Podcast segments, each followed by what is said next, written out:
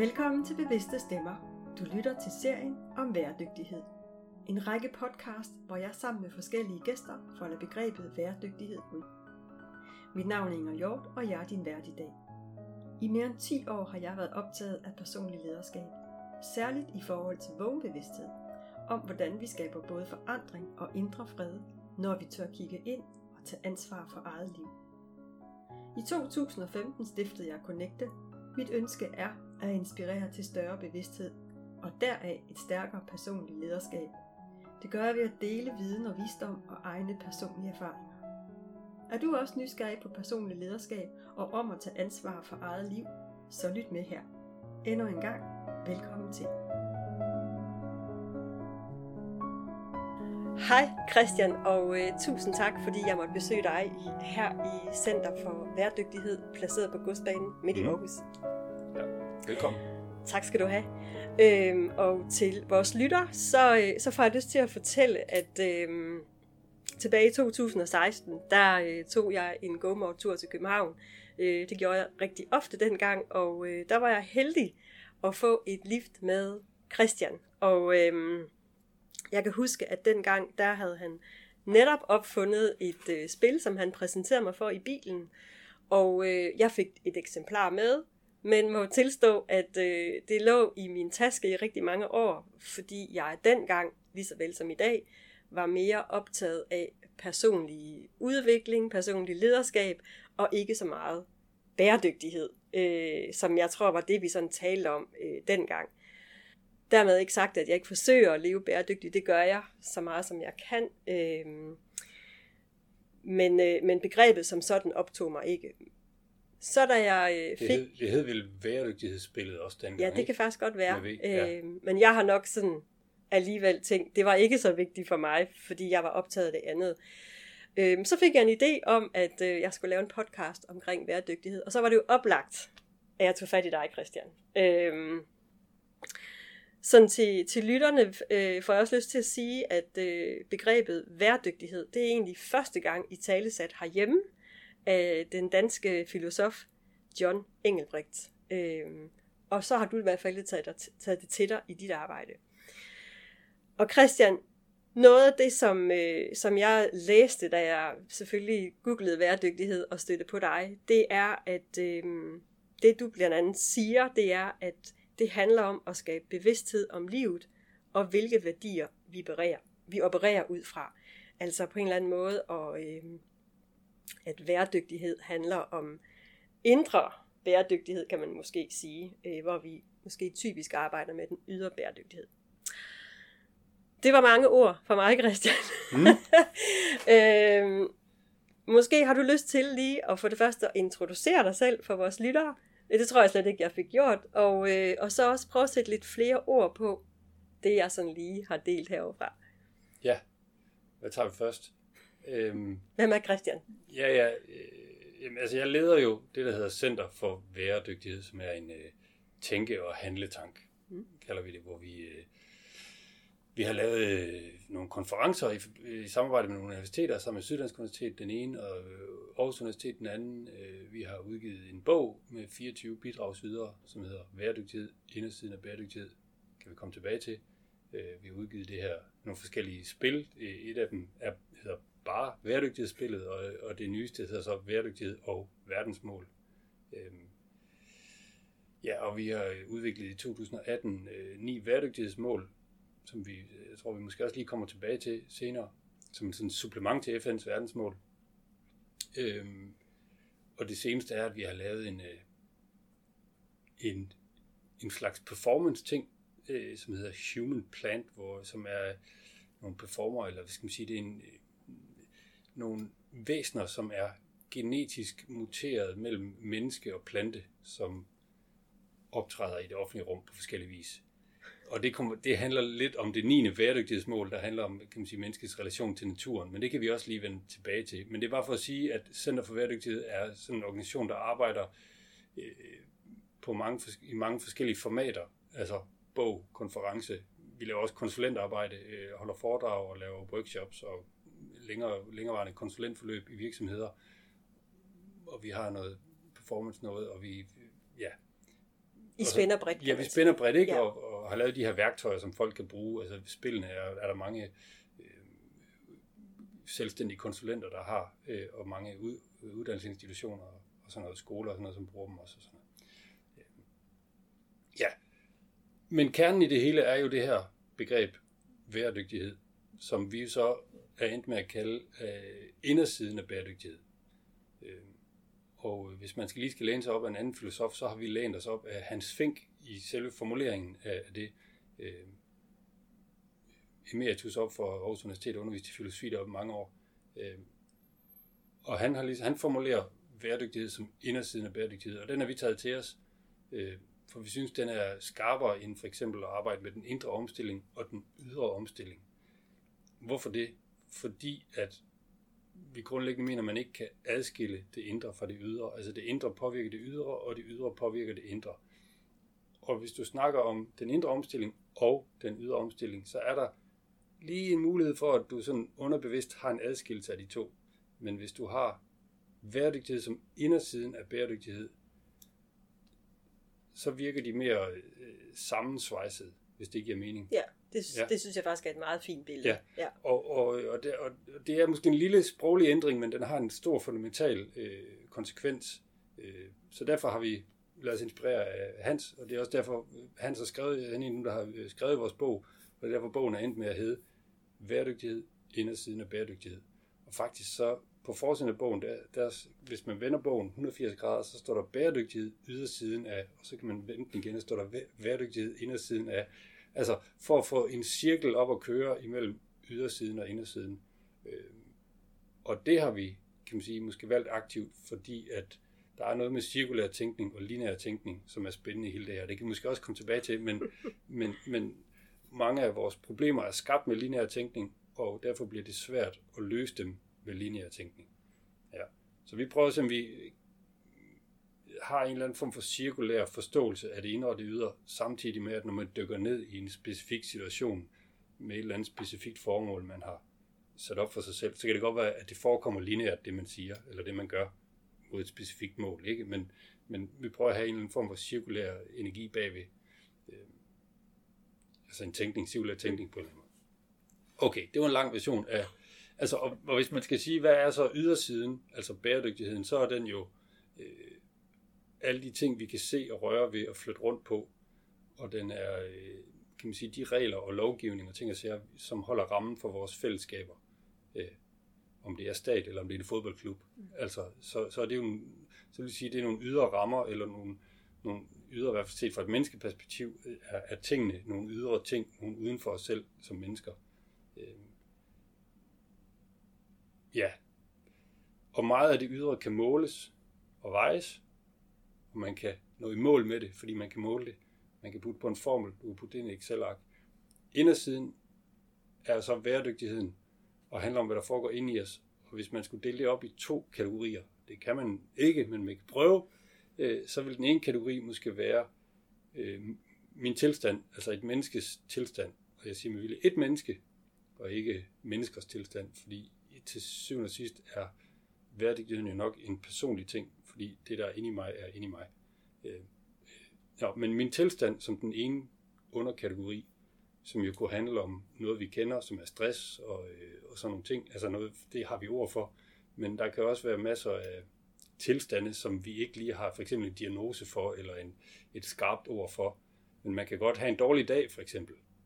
Det, det er ikke nok til en sygemelding, men det kan godt være, at man øh, leverer et dårligt stykke arbejde, hvis man har en dårlig dag. Mm. Og det kan være svært at definere, hvorfor man har en dårlig dag. Så det er jo også en del af min tilstand. Men der kan være alle mulige andre slags tilstand. Der handler også om, hvordan er ens kropslige tilstand, måske især. Øh, altså hvad er min... Øh, hvordan, øh, hvad, hvilken kropslig fornemmelse har man i en given situation, eller generelt i sit liv, eller øh, altså, er der, noget, er der smerte, eller er der skævhed, fysisk skævhed på en eller anden måde, eller fungerer systemerne indvendigt? Der er jo alle mulige slags systemer inde i en krop. Ja. Hvordan fungerer de? Øh, og igen, ja, så det er min tilstand som menneske. Øh, ja, det kunne jeg snakke meget længere om, og det er der alle mulige, der ved meget mere om, om de enkelte afdelinger af, hvad man kunne sige er en del af en tilstand hos et menneske. Men lad os sige, det er en kategori inde i bæredygtighed. Så kunne en anden kategori være øh, et menneskes overbevisninger. Skal vi lige kalde det det? Altså, hvad er mit forhold til mig selv, min, øh, og mit, øh, min opfattelse af mig selv, og hvad er mit forhold til verden, og min opfattelse af verden. Altså, mit, mit livssyn, mit verdensbillede, min selvopfattelse, hvad er jeg i forhold til alt muligt andet. Og det er måske, jeg ved ikke om det kun er mentalt, altså en overbevisning er den mental, den er i hvert fald, jeg tror i hvert fald, vi vil placere den i et mentalt space langt hen ad vejen, ikke? Øh, ja. Ja, jeg tænker også, at jeg tror faktisk også godt, man kan placere den kropsligt. Det kan man nok øhm, også. Jeg tror ja. helt sikkert, at vi har en adfærd. Øh, men, det, men det er måske ja. i virkeligheden ligegyldigt i den her sammenhæng. Ja, og det er, det er også det, det bliver måske lidt, øh, bliver måske lidt kompliceret, eller dybt, eller langhåret nu, men, men nu prøver vi lige at lave de her to underkategorier af bæredygtighed. Den ene, min tilstand, og den anden, mine overbevisninger. Mm. Og inden under overbevisningerne kunne der være mit natursyn, eller min selvopfattelse, eller min... Altså, sådan er jeg. Ja. Jeg er ikke sådan en, der, jeg er sådan en, der spiser... Jeg skal have min bøf, for eksempel. Jamen, skal du det, eller er det en opfattelse, du har af dig selv, øh, for eksempel? Ja. Og, og, og så begynder det at blive bæredygtigt. Så begynder vi at arbejde med opfattelsen af dig selv som en, der skal have en rød bøf en gang om, en gang om dagen, ja. for eksempel, hvis man nu, ja. hvis det er ens selvopfattelse, man har. Øh, så er det en anden måde at arbejde med at spise mindre oksekød på, end at putte skat på oksekød. Ja. ja. En skat er en ydre ting. Ja. Det, det er rammen for fællesskabet. Så det vil være at angribe. Lad os sige, at vi er blevet enige om, at der skal spises mindre oksekød. Så kan vi enten arbejde med min selvforståelse som oksekød spiser, eller vi kan tvinge mig til at spise mere oksekød, fordi jeg ikke har penge til det, for eksempel. Spis mindre, var det det, du sagde? Eller ja, mindre. Jeg spiser ja. mindre, ikke? Ja, jeg ved ikke, altså, jeg mente i hvert fald spise mindre. ja. øh, resultatet er, ser ud til at være det samme, men er alligevel lidt forskelligt, fordi at hvis jeg går, hvis jeg går igennem en ændret selvforståelse, så kan det godt være, at det er.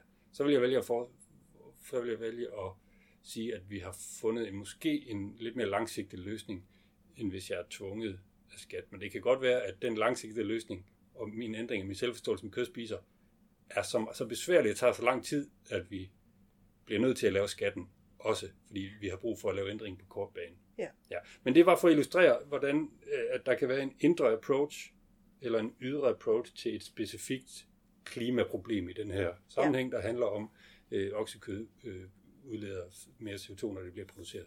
Ja. Øh, eller når konen lever. Ja. Altså det, som jeg sådan lige kommer, altså også måske, i hvert fald for min egen forståelses skyld, det er, at det, som jeg, det, som jeg hører, du peger på, det er, at øh, der er den her, den kropslige, også den mentale, og så er der vores overbevisninger, og i virkeligheden så tænker jeg, at i den søjle, hvis vi skal operere med to søjler, i den søjle ligger der jo ret, i min optik og min erfaring, rigtig meget, vi sjældent er bevidst om, fordi det er ting, vi har adopteret, det, ja, Lige præcis. det er alt det, der ligger, som vi ikke har noget, øh, ja, som vi ikke har kendskab til i vores, i vores dagligdag. Ja. Og på den måde, så er det jo perfekt for sådan en som mig, der gerne vil arbejde med personligt lederskab, ja. at vi faktisk begynder at arbejde særligt meget over i den ja. søjle. Ja, og der er jo der er for eksempel en masse opvisninger om os selv og hinanden, som, som øh, altså man kan også tage nogle nylige eksempler på, at, at de kollektive opvisninger er blevet udfordret. For eksempel så er der noget omkring rygning, hvor vi har ændret kollektiv bevidsthed omkring rygning gennem en oplysningskampagne og en dialog, men også gennem ydre pres, så det er blevet, du ved, og nyeste, kan man, eller nyere kan man jo snakke om, øh, altså øh, MeToo og, og sådan nogle ting, hvor, hvor der er nogle, altså hvor der har ligget nogle, nogle grundforståelser for, hvad der er rigtigt eller forkert at gøre, som har vist sig at have nogle, nogle skyggesider, nogle blind spots, øh, på en eller anden måde, som så lige så stille går op for os hen ad vejen. Okay, den tænkning, vi har haft, har været nogen vil kalde det patriarkalsk eller et mm, eller andet. Ikke? Ja, ja. Og, og, og så begynder vi at se de der øh, ting i os selv, og så skal vi til at lave om på vores tænkning, og så kan vi lave nogle systemer, der kan støtte vores, den nye tænkning øh, undervejs. Og der er jo selvfølgelig også noget tænkning omkring øh, hvis vi lige kalder bæredygtighed, eller tager den del af bæredygtighed, handler om klima og biodiversitet og sådan noget, der er noget tænkning der, som vi, som vi skal have, have ændret. For eksempel så er øh, den økonomiske tænkning, øh, har jo nok været en del, vil jeg vælge at påstå, altså den økonomiske tænkning, som har, været, som har været styrende igennem mange hundrede år, har nok været en del af problemet. Fordi i den økonomiske tænkning er der nogle ting, du måler og vejer, og der er nogle ting, du ikke måler og vejer. Det vil sige, inde i Finansministeriets regnemodel er det muligt at putte nogle tal ind, men det er andre tal, du ikke kan putte ind, og der er nogle tal, du ikke kan få ud. Øh, og igen, det er ikke mit fagområde, men det jeg hører folk sige, det er jo, at, at i den økonomiske tænkning, der har man regnet det, vi kalder naturen, og det skal vi udfordre lige om lidt, men altså det derude, det har vi regnet som eksternaliteter. Altså, det er ikke relevant at måle, hvor meget eller hvor lidt kover der er i verden. Vi måler koveret, når vi har lavet det om til en komponent inde i, inde i en bil, eller inde i et telefonkabel. Ja. Så får det en værdi, og så kan vi måle på det, og så er det med til at give et tal, som giver ind i BNP, som giver væksten. Men, men kåret, når det ligger ude i jorden, øh, hvis vi ikke kender til det og ikke ved, at det er der, så har det ikke en værdi, og derfor er det ikke med i BNP. Det bliver ikke målt derude. Og, og, og, og vi har haft en idé om, at når vi så har brugt alt kåret, og hvis vi vil lave flere telefonkabler, så finder vi nok på en anden måde at gøre det. Så derfor er det at bruge kåret ikke øh, skidt nødvendigvis. I den økonomiske tænkning, og det igen ret mig, hvis der er nogen skriv noget i kommentarerne til det her, hvis man kan, hvis jeg ikke, hvis jeg tager fejl. Men, men det vil sige, at, at den økonomiske tænkning for eksempel skal, skal jo fundamentalt set laves om. Og det tror jeg, der er en masse økonomer, der sidder og bøvler med lige i øjeblikket. Hvad er så den nye økonomiske tænkning? Fordi at vi har fundet ud af, at den økonomiske tænkning, vi har haft indtil videre, har været med til at skabe problemet, fordi der er nogle skyggesider eller blind spots i den, som lige pludselig har vist sig at skabe nogle endnu større problemer end de problemer, vi prøvede at løse med et telefonkabel, eller hvad det nu er, vi har ja. haft med i BNP. Ja. Så står vi lige med en klimakrise, som er kommet, ligesom vokset bag os, øh, uden, ja, og den har ikke været mål og vejet undervejs, eller det har den, men vi har valgt ikke at ville kigge på den. Altså vi har vidst i 100 år, at hvis vi brændte alt det olie af, så vil temperaturen stige med de her de konsekvenser. Det er på ingen måde, det er 100 år siden eller mere, at de første øh, videnskabelige rapporter om det her kom ud. Øh, vi har vidst det. Nogen har vidst det. Mm. Vi har valgt ikke at kigge på den information. Vi har valgt at sige, at det er vigtigere at komme fra A til B i min bil, end det er at overveje den langsigtede konsekvens omkring klimaet. Mm. Øh, ja. Og det er jo sådan noget, jeg synes er, er altså en af, en af mine hvad skal man sige, øh, altså noget af det, jeg sådan er optaget af, det er, jeg plejer at sige, at jeg er optaget af at få folk til at vågne, ja. øh, og, få, og få noget bevidsthed øh, på, øh, eller, eller altså min egen erfaring er, at, at med det følger der også øh, en, en helt naturligt, øh, altså man ved godt, at sin, sine handlinger, vi er simpelthen nødt til at undersøge, gør de, gør de øh, altså skader de nogen øh, i, den, i den nære familie, i det, altså, mm. altså hele tiden have en opmærksomhed på, at vi alle er forbundet. Øh, så ja. jeg synes, jeg synes, at noget af egoismen forsvinder i det, man bliver vågen og bevidst, som jeg plejer at sige. Ja. Og der er mange, der påberåber sig begrebet vågen. Ja. Vågen op. Øh, og det, jeg er lidt bange for at bruge det, øh, fordi det ligesom er også woke, øh, for eksempel også, ikke? Altså, ja. hvad, hvilken slags woke er det, man gerne vil være i forhold til det woke, eller er det, er det, er det bladet vågen op fra, øh, fra, øh, hvad hedder de? Ja, Jehovas vidner. Jehovas vidner, ikke? Altså, øh, der kan også være skævheder i en opvågning, ja. øh, vil jeg sige. Øh, ja, så. det synes jeg måske, man har set meget her under øh, altså den måde, man har håndteret corona på, uden overhovedet at gå ind i, øh, i det felt. Ja, ja. ja. Men, men cool nok en eller anden form for erkendelse i hvert fald, måske tænker jeg lige, at jeg vil bruge, i dag. Mm. Ja, og det er jo bevidsthed er også svært. Jeg bruger det gerne, men øh, det fede jo ved bevidsthed er, at der er ikke nogen, der ved, hvad det er. Øh, så det, der, er, der er ikke nogen, altså vi bruger det som et begreb, øh, men der er, der er i hvert fald ikke nogen forskere, der, kan, der har øh, forklaret, hvad bevidsthed er, hvor det opstår. Nej.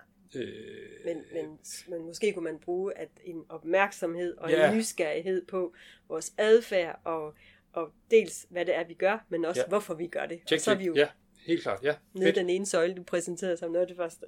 Og det er ikke fordi, jeg, det er ikke, fordi jeg ikke vil bruge ordet bevidsthed, jeg ikke vil bruge, øh, at vi skal vågne op. Øh, jeg vil bare lige sige, at, der, at, at hvis vi skal snakke om de to, skal vi lige have den med, at de er, har måske nogle, i nogle forståelser af de to begreber, kan godt have nogle problemer ja. øh, øh, i sig. Men ja, der er der et eller andet der, der er et eller andet, der skal gå op for os i hvert fald. Øh, og et eller andet, vi skal være opmærksom på, eller noget, vi skal erkende, eller noget, vi skal bevidst om, eller noget, vi skal vågne op og se fra en eller anden drøm, som viser sig at være en drøm, som ikke var virkelighed. Altså en sandhed, en sandhed vi skal have kommet tættere på, ikke? Ja, ja. Øh, hvis, man kan nok ikke komme helt ind til sandheden, men man kan nok, vi har jo altid et filter som mennesker mellem sandheden også, Ja. tror jeg. Øh, medmindre vi siger, at vores opfattelse af verden også er sand. Det kunne den også godt være. Nu bliver det lidt langhåret. Men, øh, men ja, vi skal i hvert fald tættere på en eller anden form for, øh, for det, der er sandt. Det tror jeg også på. Og i det er der nogle erkendelser øh, af, at det vi troede var sandt før, øh, eventuelt ikke er det. Ja. Og det kan være hårdt og svært og bøvlet og gøre ondt og alt muligt. Ja. Øhm, ja, og en af, altså, øhm, jeg ved ikke, om der blev sagt natur undervejs her, men der, øh, altså det med, at vi er en del af det og sådan noget, vi hænger, ting hænger sammen, det hele hænger sammen, tror jeg, du sagde på et tidspunkt. Ja. Øh, hvis jeg lige må tage en omvej hen til det, øh, så har vi lavet, øh, i 2018 lavede vi nogle væredygtighedsmål. Ja, 17-18 stykker. Og når du siger vi, så er det Center for så er det. Center for Bæredygtighed, ja. ja. Mm. Øh, nogle bæredygtighedsmål som øh, et supplement til FN's verdensmål. Og hvis man lige skal tage FN's verdensmål, så er de jo øh, målbar, kvantificeret. De er i princippet et Excel-ark. Det er en række kasser, som vi kan sætte kryds i, når vi er nået i mål, når vi er færdige. Når der er så og så mange skoler, øh, øh, så og så tæt på alle børn i hele verden, øh, med nogle underkategorier. Og det, det, så har vi ligesom så har vi løst så har vi løst det, i hvert fald den måde, de er formuleret på FN's verdensmål. at De, man, kan, man kan blive færdig med FN's verdensmål. Og det er jo fantastisk, fordi så har vi en klar målsætning, øh, som vi kan arbejde på i fællesskab, og vi kan gøre det på tværs af faglighed, vi kan gøre det på tværs af kommunegrænser og landegrænser, og øh, vi kan gøre det på tværs af virksomheder og kultur og alt muligt andet. Så kan vi arbejde med FN's mål som nogle verdensmål, som nogle, nogle udfordringer, vi i princippet alle, alle sammen er i berøring med, eller er, er hindret af i større eller mindre grad, men også er noget, som vi kan være er fælles om at have som problem, eller kan være fælles om at løse. Øh, uanset om det er uddannelse, eller det er øh, ligestilling, eller det er klima, eller det er, hvad det nu er, ikke? Ja. I FN's verdensmål. Men det jeg vil sige med dem, det er, at FN's verdensmål er sat op som for det første noget målbart, kvantificeret, øh, øh, Excel-agtigt noget, som mest i sin retorik henvender sig til organisationer, virksomheder, kommuner, øh, øh, stater. Ja. Ja. Bæredygtigheden, indersiden bæredygtighed, og de mål, vi har lavet, som altså, vi kalder bæredygtighedsmål, øh, er så knap så målbare faktisk. Det er lidt snyd, vi har kaldt dem mål. De er, mere, øh, de er måske mere sådan nogle, altså, ja, Rette snore. rette snore bevægelser på en eller anden måde. Øh, og så er de med vilje måske lidt mere personligt øh, øh, rettet. Ikke? Øh, og der er ni af dem, jeg ved ikke, vi kan nå at gå igennem alle sammen, det kan vi nok ikke, men der er nogle af dem, der handler noget om, om empati og forståelse og hjertelighed. Øh, der er nogle, der handler noget om forskellige former for at kunne gennemskue og arbejde med kompleksitet og sammenhæng at ting hænger sammen på kryds tværs og kompleksitet. Der er nogle af noget, der handler om langsigtet tænkning, selvom man agerer på en kort bane. Øh, og der er noget, der handler om nogle andre ting. Øh, men det, jeg så lige vil fremhæve, som igen, og nu bliver det måske sådan dybt filosofisk, og jeg læner mig igen op af Hans Fink, øh, er så det 9. værdighedsmål, som siger, at, øh, skal se, om jeg kan læse det korrekt op her fra en plakat, der hænger på væggen. Vi skal udvikle bevidstheden om, at mennesket er en integreret del af naturen. Med en undersætning, der lyder sådan her. Alt, hvad du er, gør, tænker og føler, er natur. Altså jeg prøver lige igen. Alt, hvad du er, gør, føler og tænker, er natur. Okay, det kunne Ja. jeg godt tænke mig at få foldet ud. Ja, fordi at, øh, at, øh, at du sagde noget om, at nogle af tingene, når noget skal gå op for os, så er det svært, fordi at, at der ligger en masse ting i vores systemer og vores traditioner og vores tænkning, som er ubevidst. Og, øh, og der ligger ret dybt i os og i vores systemer, vil jeg sige, en, en, en tradition om, eller en tænkning om, at mennesket er adskilt fra naturen. Og, og den, kan, den adskillelse kan tage forskellige former. Øh, men der er det menneskelige og det menneskeskabte, og så er der naturen og det naturlige. Og et eller andet sted derimellem går der en eller anden form for grænse, eller en eller anden form for overgang. Der kan være en gråzone, og den kan være dyb kløften imellem, eller den kan være, men der er en adskillelse mellem det menneskelige og det ikke-menneskelige, og det kalder vi så natur, det ikke-menneskelige. Øh, for nogen så går grænsen før kornmarken, For nogen så går grænsen efter kornmarken. For nogen så skal vi ud på Mols til rewilding, for at det bliver rigtig natur. For nogle er det heller ikke nok, fordi at der er jo et hegn rundt om de der heste og køer og blomster ude på natur, ude på Mols. Øh, ja, Mols-laboratoriet, ikke? Ja. ja, ja. Øh, så, så det er jo også kontrolleret, og man skyder også en, en hest, hvis den øh, er syg, eller flytter den hen et andet sted, hvor den har det bedre, hvis den bliver meget syg og man ikke vil skyde den. Hvad ved jeg? Men man, man er jo inde og kontrollere det også, men, men, det, men, men nogen vil sige, at rewilding er vild natur. Andre vil sige, at det er bare lidt mindre styret, men det er stadigvæk mennesket, der, der, der, vil, der kontrollerer og er og har, og har lavet nogle spilleregler for det. Så vi skal længere ud, for vi finder en vild natur. Og så siger de, at vi skal op på Nordpolen.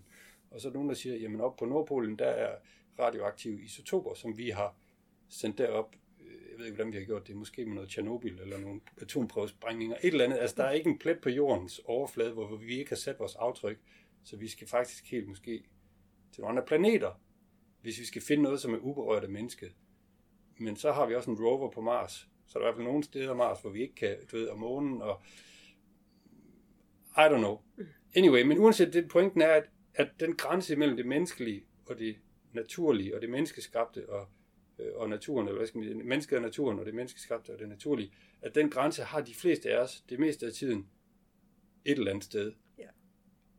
Ja. Og det vil sige, at der er en adskillelse. Min iPhone er ikke natur. Min, min Tesla er ikke natur. Øh, det der lithium, der var i batteriet i min Tesla, det var måske natur, før det blev puttet ind i batteriet. Men nu er det ikke natur mere, for nu er det nu har vi lavet om til noget menneskeskabt.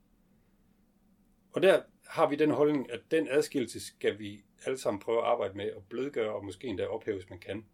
Øh, problemet er, at den adskillelse ligger i vores sprog, den ligger i vores traditioner, den ligger måske endda i vores religion, den ligger i vores øh, lov, lovgivning, den ligger i vores fortællinger, den ligger i vores fællesskaber, den ligger alle mulige steder, og langt hen ad vejen er det ubevidst.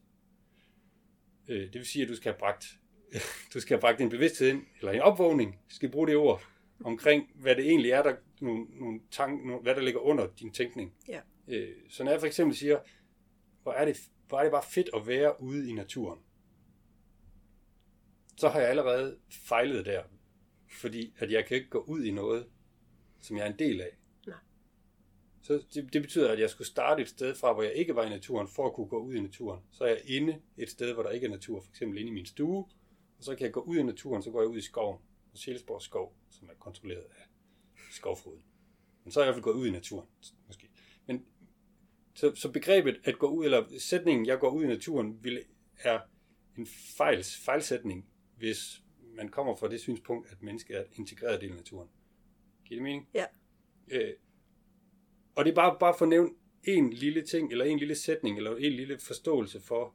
Øh, men det er også det er så svært at lave om på den tankegang, at vi er adskilt fra naturen, fordi den ligger, den, den er bare i os. Jeg kan ikke lave om på den. Jeg kan godt sidde her og snakke om det, men øh, og så er jeg i nærheden af måske at udfordre den lidt, men til daglig så har jeg den forståelse.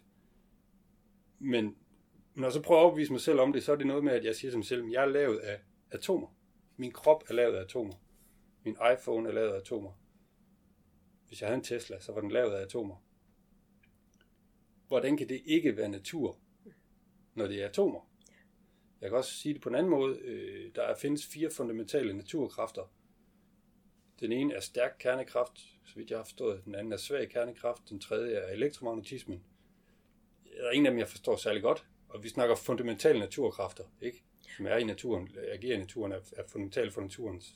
Ja. Den fjerde er tyngdekraften. Den forstår jeg nogenlunde.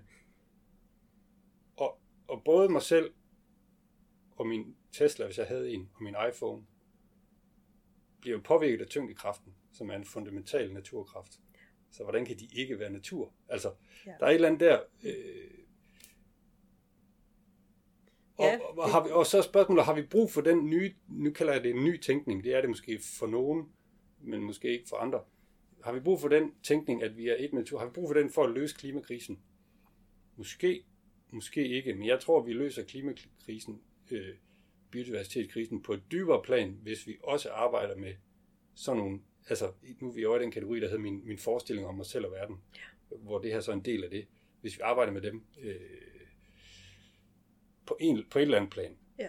Øh, Altså jeg sidder nu, altså, nu er det jo, du er jo ikke, så vidt jeg ved, sprogforsker, men jeg sidder egentlig sådan og bliver lidt nysgerrig på, om, øh, om det her med, og, og, altså, at vores forståelse, som du selv peger på, er begrænset af vores sprog, om det, om det sådan gælder særligt øh, for, for det danske sprog, eller måske det vestlige sprog. Øh, hvad hedder det, som du selv peger på, at vi går ud i naturen. Jeg, jeg studerer på, øh, på Nordly, som er et, øh, et center for blandt andet for coaching, mm. hvor, øh, hvor jeg, hvad hedder de i hvert fald, de nogle gange peger på, at, at for eksempel over i Østen har man et rigt, meget, meget mere rigt, øh, hvad hedder sådan noget, altså mange flere gloser for rigtig mange ting, så på den måde, så bliver vi meget både fattige og begrænset, mm. både, øh, eller måske mest af alt i vores forståelse af, hvordan tingene er. Ja, det kunne være sjovt at spørge sådan nogle sprogforskere, om der findes øh, øh, hvad skal man sige, folkeslag, som ikke har et begreb for natur. Og det vil jeg da gætte på, at det, det findes. Altså, ja, altså som i forståelsen af naturen, som det ikke er menneskelige. Altså, men de har måske et ord for skoven, og de har et ord for, øh, for mennesket, og de har et ord for øh, bjørnen, og de har et ord for øh, øh, vinden, og, øh, og de har et ord for øh, bjørnens dans med vinden, eller hvad ved jeg, I don't know. Men, men, men, men ordet natur som noget, som ikke er menneske, altså, det, det er jo meget muligt, at det ikke findes i oprindelige folkeslag, for eksempel. Det er jo da spændende faktisk lige at undersøge, ja. om det gør eller ikke gør. Ja. Altså, hvornår er det opstået? Altså, jeg tænker, det er opstået... Lad os, lad os lege med, at det ikke fandtes i gamle, gamle dage, hvor der kun var lidt sprog øh, og sådan noget. Og så i den vestlige verden, så er vi blevet... Nu er det fuldstændig en brainstormer bare ikke. Efterhånden, som vi, vi har fået mere magt som menneske, altså vi har lært at bruge en pind, vi har lært at putte en flintesten på en pind. Vi har lært, vi har lært at styre og kontrollere ild. Vi har lært at lave jordbrug. Altså vi har, vi har fået mere og mere, kan man sige, vi får mere og mere magt, så kan det være, at vores... Jamen det vokser distancen også. Ja, eller vores, så tror vi, så er vores ego vokset, eller vores, ja, vores, ja, et eller andet, og så vokser, så ændrer vores forståelse af, hvad, lidt ligesom hvis du snakker ledelse, altså at magt korrumperer, siger man jo tit, ikke?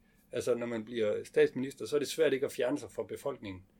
Øh, de skal selvfølgelig skille ud, når de gør det, men det er også øh, værd at forstå, at det er en naturlig ting. Nu siger jeg lige naturligt, der faldt jeg i min egen fælde, men det er i hvert fald noget, der sker. Fordi, altså det er en udfordring, for, når man får magt, at man, så bliver man udfordret på sin, på sin, øh, på sin hvad skal man sige, sammenhæng med, med det, man har magt over det tror jeg egentlig er forståeligt nok. Og, og det, hvis man skal være politiker eller leder, så skal man måske være ekstremt opmærksom på det, fordi at det er en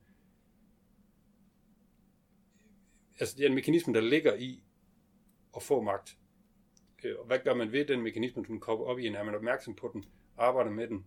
Øh, er det okay, at man ikke har kontakt, hvis man er i en virksomhed med 40.000 mennesker? Er det okay, at man ikke forstår en eller anden, som står ude i produktionshallen i et hjørne? Kan man godt lede en virksomhed uden at kende vedkommende og forstå vedkommende præcist. Måske kan, måske kan man ikke, måske skal man i hvert fald have fat i den. I don't know. Øh, nå, men ja, så det der med at fjerne sig fra, øh, fra noget, når vi får magt, det kan være, at vi som, som menneskehed har fået mere og mere magt, og på den måde har vi så også begyndt at, at, at tro, at der er en afstand imellem os og det, vi har magt, mere og mere magt over. Ja. Øh, og hvis man skal sige noget, som vi så har misset undervejs, så vil det jo være, at vores ansvar er steget, vores ansvarsfølelse er steget i takt med vores magt.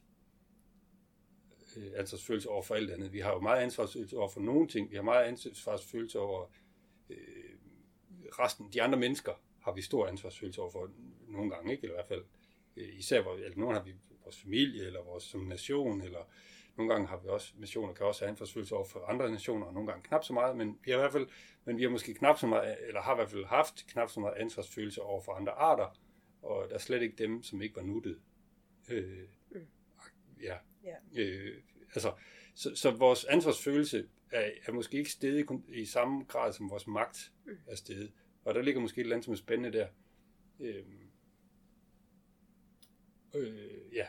Men hvis jeg sådan skal trække den sådan tilbage, øh, så det her med, at, at vi på en eller anden måde er blevet fremmedgjort, nu kan det være, at det er en grov generalisering, men har distanceret sig, og med det måske også blevet, altså har frem, er blevet fremmedgjort i forhold til naturen. Jeg tænker, at den kan vi jo i virkeligheden, det kan jeg i hvert fald også tage hjem. Jeg, kan, jeg må da erkende, at jeg, hvis, hvis jeg, eller at jeg i perioder også har distanceret mig fra mig selv, altså min mm. egen min egen natur og min indre natur. Mm-hmm. Jeg sad sådan, mens du sad og talte og siger, jamen er der nogle, er der nogle ting, der ikke er, er påvirket af mennesket i virkeligheden, så tror jeg jo på, det, det kan man sikkert også bevise, at, at øhm, helt på celleniveau er vi jo påvirket af, hvordan vi måske ikke har behandlet naturen godt. Altså forureningen er jo helt på celleniveau. Mm.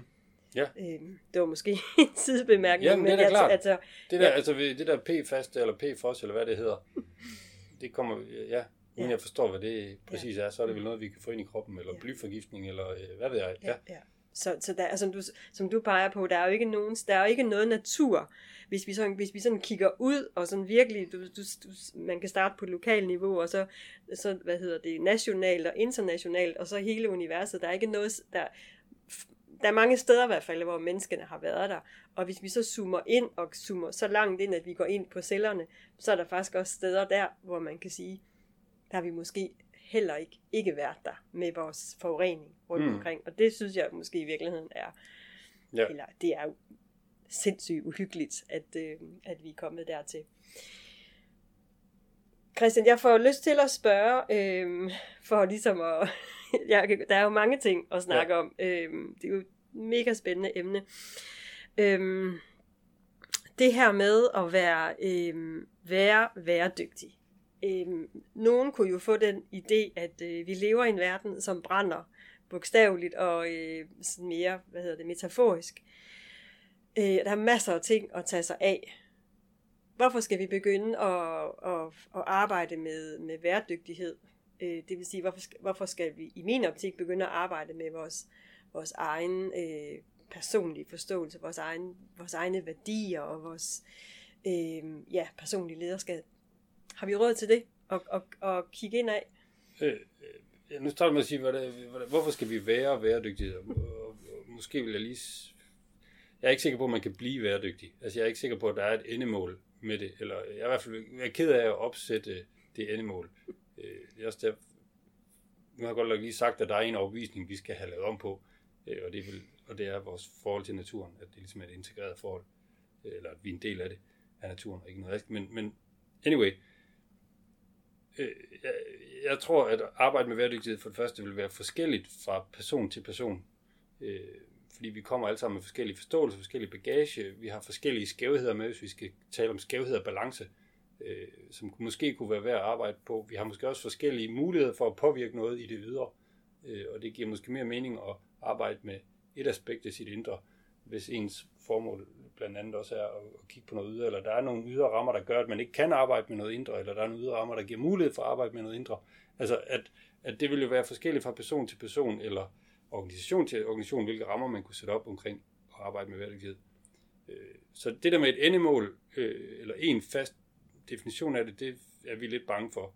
Øh, og vi opfordrer til, at man selv laver sin egen definition af, hvad bæredygtighed er. Men også, hvis man bruger vores bæredygtighedsmål, man laver om på dem, hvis man synes, og sådan noget. Det er jo lige den ene ting, jeg vil sige, men, men, men altså, hvis, hvis vi lige tager de, de der to kategorier, altså min tilstand og mine overbevisninger, øh, så, øh, så tror jeg ikke på, jeg tror ikke på, at vi får løst problemerne ordentligt. Altså de ydre problemer. Hvis vi ikke også arbejder med det indre. Altså det er jo ikke oliens skyld, at vi har en klimakrise. Altså, vi har brændt olien af, og det har udledt en masse CO2, og nu har vi et klimaproblem. Så det er i hvert fald en af, en ja. af de øh, en, en af de ting, der er sket, ikke? Ja. Men det er jo ikke oliens skyld. Altså, det er jo vores skyld, fordi det er jo idioterne, som er os, der har valgt at hive olien op i jorden og brænde den af, og vi har valgt ikke at kigge på de negative konsekvenser, som vi har vidst i 100 år.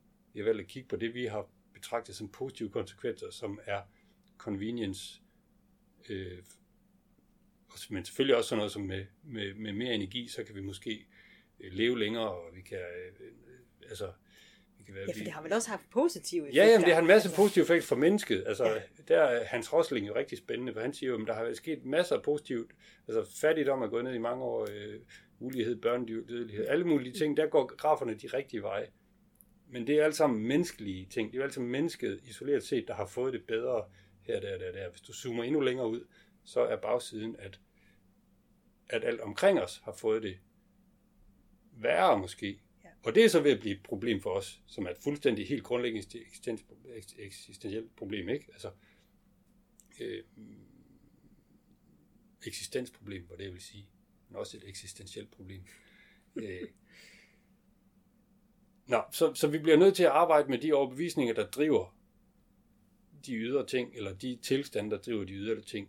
Øh, hvis vi, altså hvis vi skal løse, hvis, hvis vi prøver at løse problemet med den samme tænkning, bare lige for at bruge sådan en klassiker, så får vi, får vi nok nye problemer. Øh, og der er meget lineær tænkning i, øh, i, øh, i det. Hvis vi skal prøve at lave en, en altså, hvorfor skal vi arbejde med det indre øh, i det hele taget? Ja, hvorfor skal vi arbejde med bæredygtighed i det hele taget? Hvorfor skal vi overhovedet øh, give begrebet ord, eller rammer, eller mening? Øh, øh, og igen, bæredygtighed kunne måske have nogle andre. Man kunne arbejde med dannelse, eller man kunne arbejde med regenerativ øh, tilstedeværelse, eller regenerativ ledelse, eller regenerativ et eller andet, eller man kunne arbejde med øh, bæredygtighedspsykologi, øh, vil også have nogle, altså der er mange, der findes mange andre begreber, og der er flere og flere, der popper op og får momentum, som har overlap med det, vi kalder bæredygtighed her i Center for Bæredygtighed, som andre også kalder bæredygtighed. Øh, ja, det er bare for at sige, men, men lad os kalde det det indre så. Det indre, hvor skal vi arbejde med, med det indre overhovedet, og, og måske udfordre vores tilstand og vores overbevisninger. Jamen det tror jeg, vi skal, fordi at det er vores tilstand og vores bevisninger, som blandt andet har været med til at skabe de ydre problemer. Øh, og hvis vi kører med de samme tilstande og de samme overbevisninger for at løse de ydre problemer, så kan det være, at vi får nogle nye ydre problemer. Øh, men, men igen, vi skal også se det på den måde, at de ydre tilstande jo også påvirker vores indre. Så må, måske har vi også brug for nogle rammer for at arbejde med, med det indre. Altså, vi har brug for nogle ydre rammer for at overhovedet kunne arbejde med det indre. Vi har brug for rammer om fællesskaber for at støtte hinanden. Vi har måske brug for guidelines. Vi har måske brug for et ord. Det ord kunne være værdygtighed. Det kan Ja. også være noget andet. Øh, har brug- Okay, nu er det det.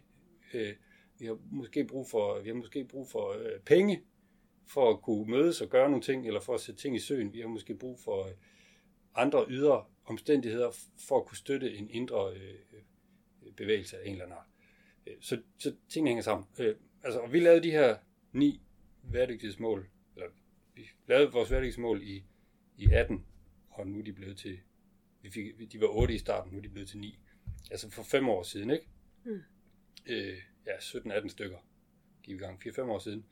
Øh, og, øh, og i år er der blevet øh, lanceret noget, der hedder Inner Development Goals, som jeg også ved, du har taget en artikel med, kan jeg se her, og ja, som vi lige skal vende os, som jo i princippet, sådan som jeg ser det, er fuldstændig den samme idé. Ideen om at lave nogle mål for et indre arbejde, som kan være et supplement eller en støtte til blandt andet det ydre i FN's verdensmål.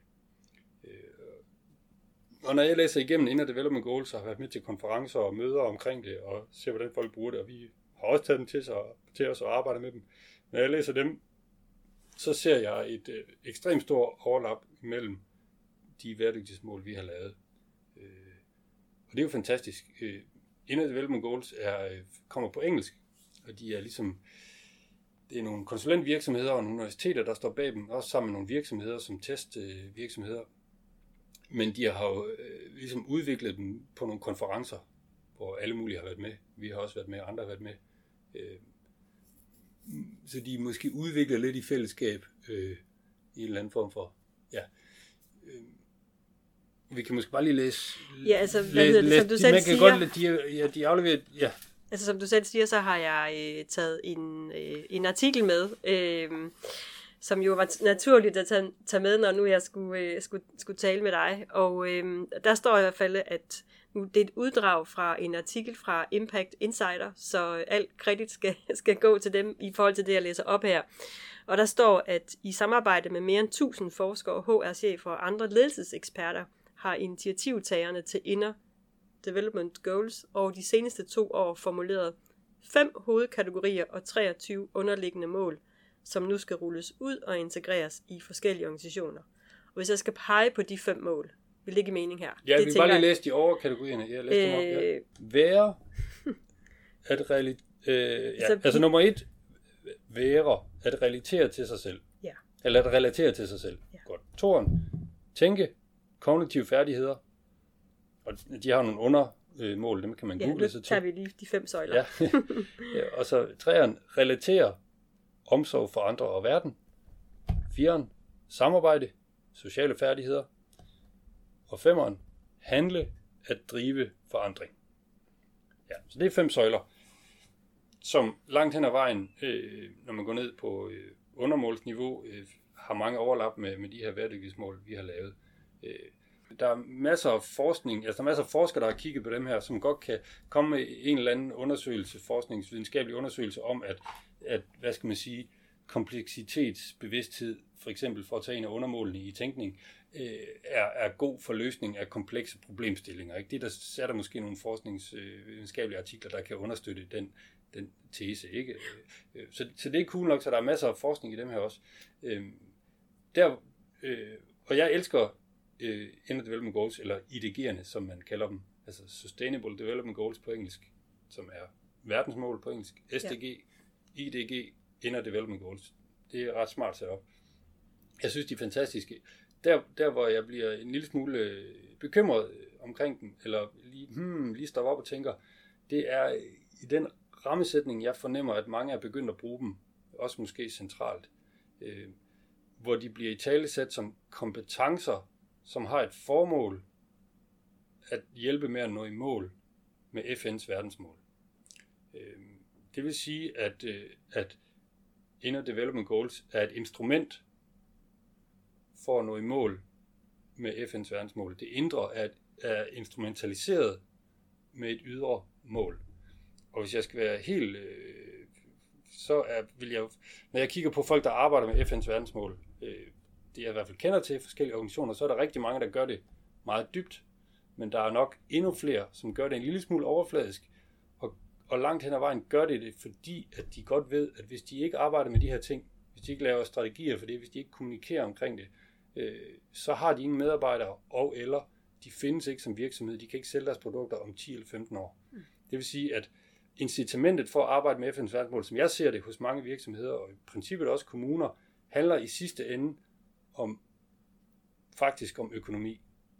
Overlevelse, ja. hører jeg det også sige. Ja, jo, jo, men, men økonomi, man kan godt overleve som menneske, for eksempel, uden Ja. at være en del af den virksomhed, man arbejder i. Man kan godt vælge at sige, min virksomhed er, til, er ikke til gavn for den nye, det, det vi skal nå i mål med, så vi nedlægger virksomheden og finder på noget andet.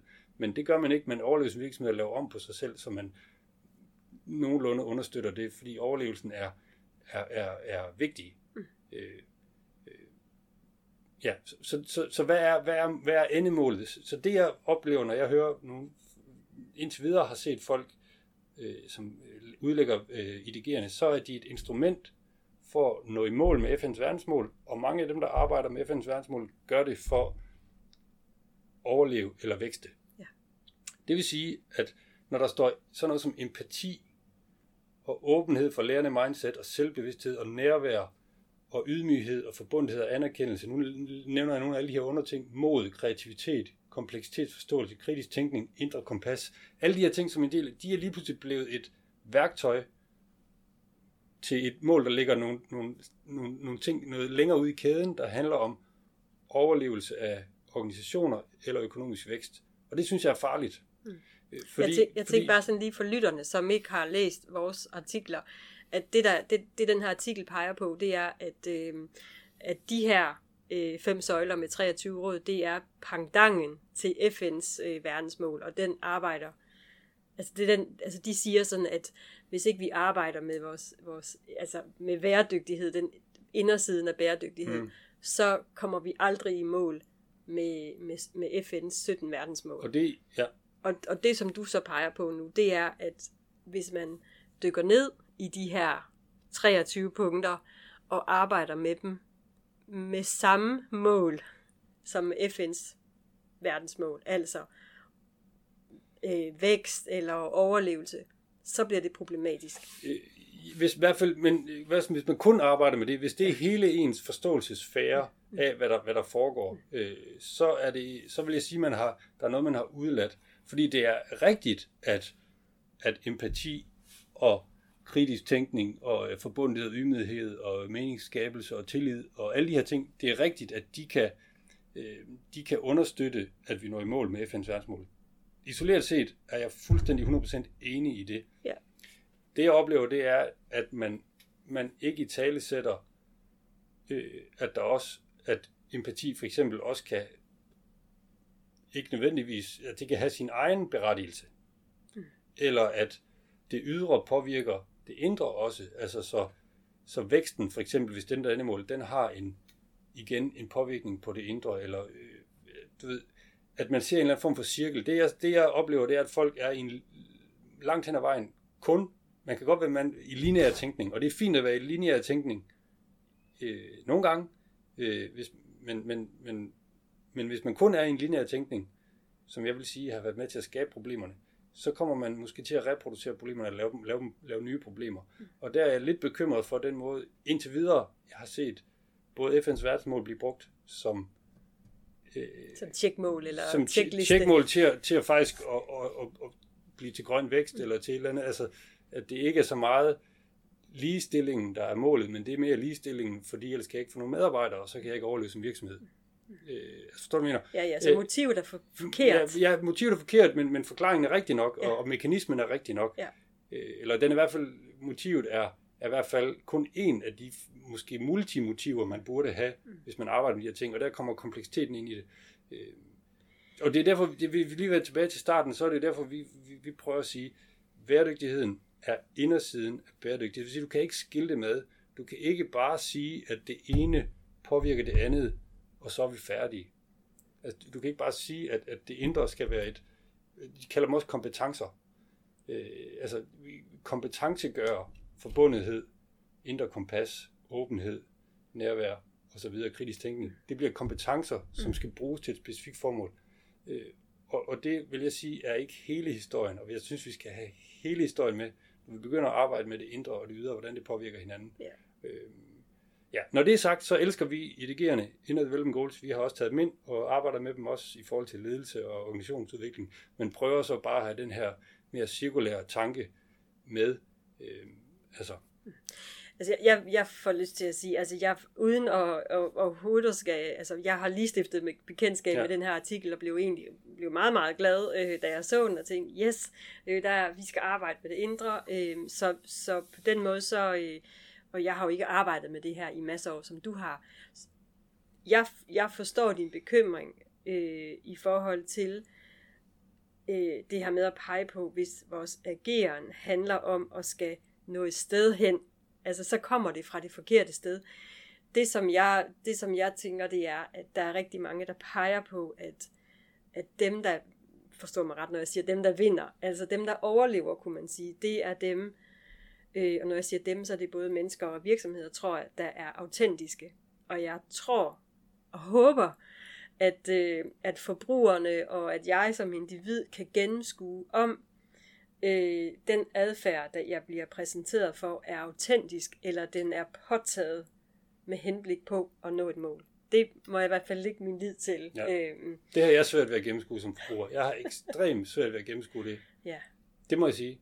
Men der, kan, der, der, der håber jeg da, at den, øh, den gennemsigtighed, der også er kvæg vores, øh, altså jo kvæg internettet, eller, øh, altså, og den her kæmpe adgang til information, at den kan bidrage til, at det bliver nemmere at gennemskue, hvem er autentisk, det vil sige, hvem gør det her fra det rigtige sted i sig, ja. øh, og hvem gør ikke. Men, men det er også rigtigt, at de autentiske virksomheder det kan være, at de falder på konkurrenceparametre, og så kan det godt være, at og fordi vi som forbrugere er, er, er dumme nok til at købe det, der er billigt, så er vi jo med til at slå de autentiske virksomheder ihjel, ja. mens vi går og tror, at vi kan gennemskue noget som helst. Og det, eller hvad skal man sige, fordi at, at, at, at, øh, at det, er, det er bad for business og øh, nogle gange at være autentisk, ja, ja. Øh, eller hvis vi lige bruger det begreb, øh, sådan som jeg tror, du forstår det.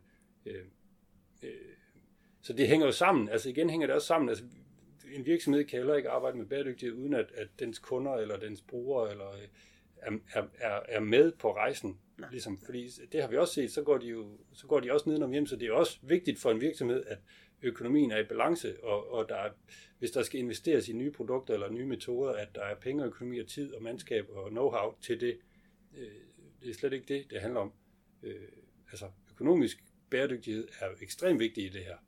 Ja, ja. Øh, Og jeg forstår godt din Ja. bekymring. Altså for, jeg tror måske, det er et års tid siden, der så jeg et, øh, et webinar øh, med, jeg jamen, så vidt jeg husker, så var det en europæisk undersøgelse, man havde foretaget sig i forhold til, øh, er, er forbrugerne villige til at betale mange flere penge for varerne, som er, som er bæredygtige for eksempel. Og, øh, og det viser sig, at øh, uanset hvad vi siger øh, Mm. mm. derhjemme ved køkkenbordet, øh, Ja, ja. så når vi står nede foran kølerdisken, så er det prisen, der er den Ja. afgørende. Ja. Så, så på den måde forstår jeg din Så, bekymring. så der er vi jo i gang med en dans, ikke? Altså politikere og virksomheder og andre organisationer og for- forbrugere og borgere er jo i gang med en eller anden dans, hvor vi, hvor vi i fællesskab er ved at flytte os et eller andet sted hen. Øh, og ingen af os kan flytte os for hurtigt. Hmm. Øh, fordi så, så, altså, så, så er vi ikke med i dansen mere. Altså hvis en politiker går for langt for os, så gider vi ikke stemme på vedkommende. Øh, hvis en virksomhed går for langt for os, så bliver produktet måske for dyrt, så gider vi ikke købe det.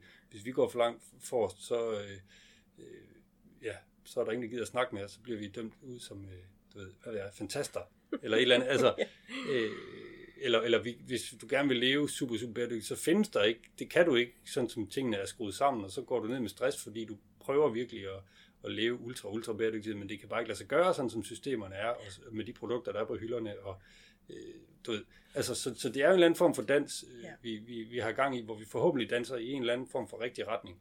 Øh, jeg er i tvivl, fordi at, at vi danser stadigvæk i den forkerte retning. Vi gør det bare, øh, og vi gør det stadigvæk eksponentielt forkert. Men, men vi har, altså den, eksponentielle, den eksponentielle kurve er dalet, men den er stadigvæk eksponentiel i den forkerte retning. Og hvis vi bare tager klima.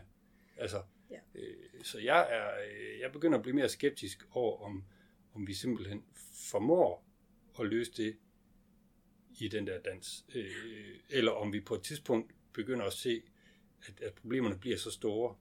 Altså, når, når klima og biodiversitet begynder at bryde sammen, så begynder, så begynder også vores øh, samfundsstruktur vil også begynde at bryde sammen, ikke? Fordi så, så er der lige, kan det måske være svært at opretholde øh, forsyningsveje med mad, eller, eller noget bliver, fordi steder bliver for sted, svære at bo, og så skal folk migrere fra det ene sted til det andet, og øh, jeg gider da ikke have med min baghave, eller du ved, så skal jeg dele med alt det der, alle de der afledte ting, der kommer af, af klima- og biodiversitetskriser, øh, altså jeg, jeg bliver mere og mere pessimistisk faktisk i forhold til, at jeg tror, vi kommer til at se noget ret voldsomt på et tidspunkt.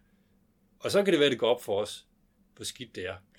Altså, hvis man skal tage en parallel, Ukraine kunne måske som land have gået over til en krigsøkonomi, altså en kriseøkonomi med henblik på krig, før russerne for alvor trådte ind over grænsen der i februar.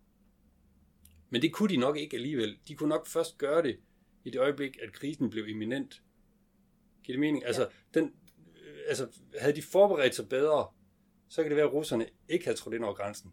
Men de kunne ikke forberede sig bedre, før det gik op for folk, at russerne faktisk kunne finde på at træde ind over grænsen. Så, hvis, så før vi forstår, at klimaet kan træde ind over ind i vores verden, altså klimakatastrofen kan det kan være, at vi først forstår det, når den er, når den er trådt så meget ind i vores verden, at, at, at vi bliver nødt til at forholde os. Og det er måske først der, at vores bevidsthed ændrer sig, eller vores, øh, vores selvbillede ændrer sig nok til, at vi laver om på vores, vores tænkning og vores metoder. Og så kan det være, at vi gør det lynhurtigt. I don't know. Men så kan det være, at så, ja, så jeg, jeg, jeg begynder at blive en lille smule pessimistisk om, om, vi, om, om det der øh, med at gøre ting på forkant, om vi som, øh, som art, med de systemer, vi har, PT og dem, vi er ved at skabe, øh, om, om vi formår at gøre det på forkant, altså om vi formår, øh, øh, hvad skal man sige, øh, øh, forebyggelsen, mm. eller om vi egentlig bare ender med at lave, ja, måske ikke bare helbredelsen, men øh, sluk, sluk de ildebrænde, vi kan slukke, når, når, det, når vi når så langt til det. Ja. Ja. Vi får se. Vi får se, Christian. Øh, vi, skal, vi skal så småt runde af, og øh, jeg, noget af det, som jeg egentlig er sådan lidt optaget, eller ikke optaget af, men noget af det, jeg er opmærksom på, øh, når jeg bevæger mig rundt, øh, og det, altså, det er jo blandt andet i forhold til mit personlige lederskab, at jeg prøver på at, øh, så nogen kan jo synes, det er naivt, øh, jeg prøver egentlig på at, øh, Altså, der er jo masser af, af, af dårlige nyheder og skrækscenarier og alt muligt. Øhm, og der er også mange ting, at man kan engagere sig i. Jeg plejer sådan at sige, at øhm, hvis jeg skal gøre nogen som helst forskel for, for, for verden, altså både på, på, på, den, på, den, på den lille bane, og så måske også på den store, så er jeg nødt til at øh, bevare min, øh, min optimisme, øh, altså, høj, altså bevare min, øh, min frekvens. Øh, så hvis, jeg skal, hvis vi skal på en eller anden måde bevare frekvensen, højne frekvensen til øh, hos vores lyttere, og, og slutte af med noget positivt, Jamen, øh, hvad, hvad skal vi så... Øh, altså, fordi jeg, der er også masser jamen, jeg af gode gode ting. Jeg, jeg ved faktisk ikke, om jeg køber den der. Der er masser af gode ting. Vi siger masser af gode ting. Igen, Hans Rosling, øh, hvis vi tager ham frem, han sidder med sine æbler og viser øh, i en deadline, der findes et fantastisk klip, og viser, hvordan det går godt med børnedødelighed. Øh, det går den rigtige vej med alle mulige ting. Der er masser af positive historier og, øh, og, og fortælle, og jeg vil også gerne være med til at fortælle dem. Men jeg køber ikke den der, at vi, sådan, at vi skal tvinge os selv til at kigge på det positive jeg, jeg, øh, jeg er faktisk mere på den, øh, der siger, at vi skal selvfølgelig både kigge på det positive og det negative, og være åbne om begge dele, og ikke, øh, altså, jeg synes ikke, det er ikke at højne frekvensen, at øh, når, når, når Greta Thunberg stiller sig op i, i FN og er vred og sur og siger, at det går af helvede til, det synes jeg, hun skal have lov til. Jeg synes ikke, det er en lavere frekvens, end, end at hun stiller sig op og siger, vi, vi kan gøre det her sammen. Jeg tror faktisk, der er brug for begge dele. Ja. ja. Men, men fint at fortælle nogle gode historier, og fint at fortælle mulighederne. Jeg elsker også Power to X, som øh, snart kommer, så vi kan få øh, nogle bedre brændstoffer til vores, øh, eller hvad det nu er, ikke? Øh, ja. Øh, ja. Der er, der er masser af gode ting engang, der er masser af ting, der er ved at blive udviklet, og der er masser, der begynder, og der er en bevægelse, der er ved at vågne, så der er, altså, der er masser af positivt at kigge på. Mm. Øh, ja. og, og, og hvis vi sådan skal gå, altså vende tilbage til, til min opfattelse af væredygtighed, som jo handler om at få, øh, få skabt noget bevidsthed om eget liv og egne værdier, så, det jo, så vil det jo i hvert fald for mig være en invitation til dem, der lytter med her.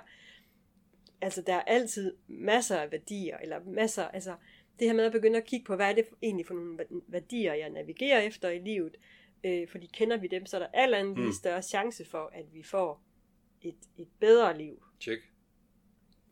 Og det må trods alt også være et af målene med at være her på jorden, at det liv, vi har, det er så godt som muligt. Og fra, der må alt andet lige være en større chance for at håndtere de udfordringer, vi, vi møder, hvis vi er et godt sted i livet. Ja, og det er sådan en ny podcast, der handler om det gode liv, fordi hvordan skal vi lige definere det? Øh, ja. ja. ja. Men, men ja. Christian, Tusind tak, øh, fordi jeg måtte kigge forbi dit super, super hyggelige øh, kontor her. Øh, det var, det var en fornøjelse, og det var en spændende snak rundt omkring øh, begrebet værdygtighed, jo også fra, øh, ja, altså jo det her med, at vi faktisk sidder i Center for Værdygtighed. Øh, så tak for din tid, øh, og øh, høj høj til, ja. til, til dig og dit, øh, dit virke her i verden. Tak. og til jer, som lytter med, tak fordi I var med, og indtil vi høres ved igen, må I have det rigtig godt. Hej så længe.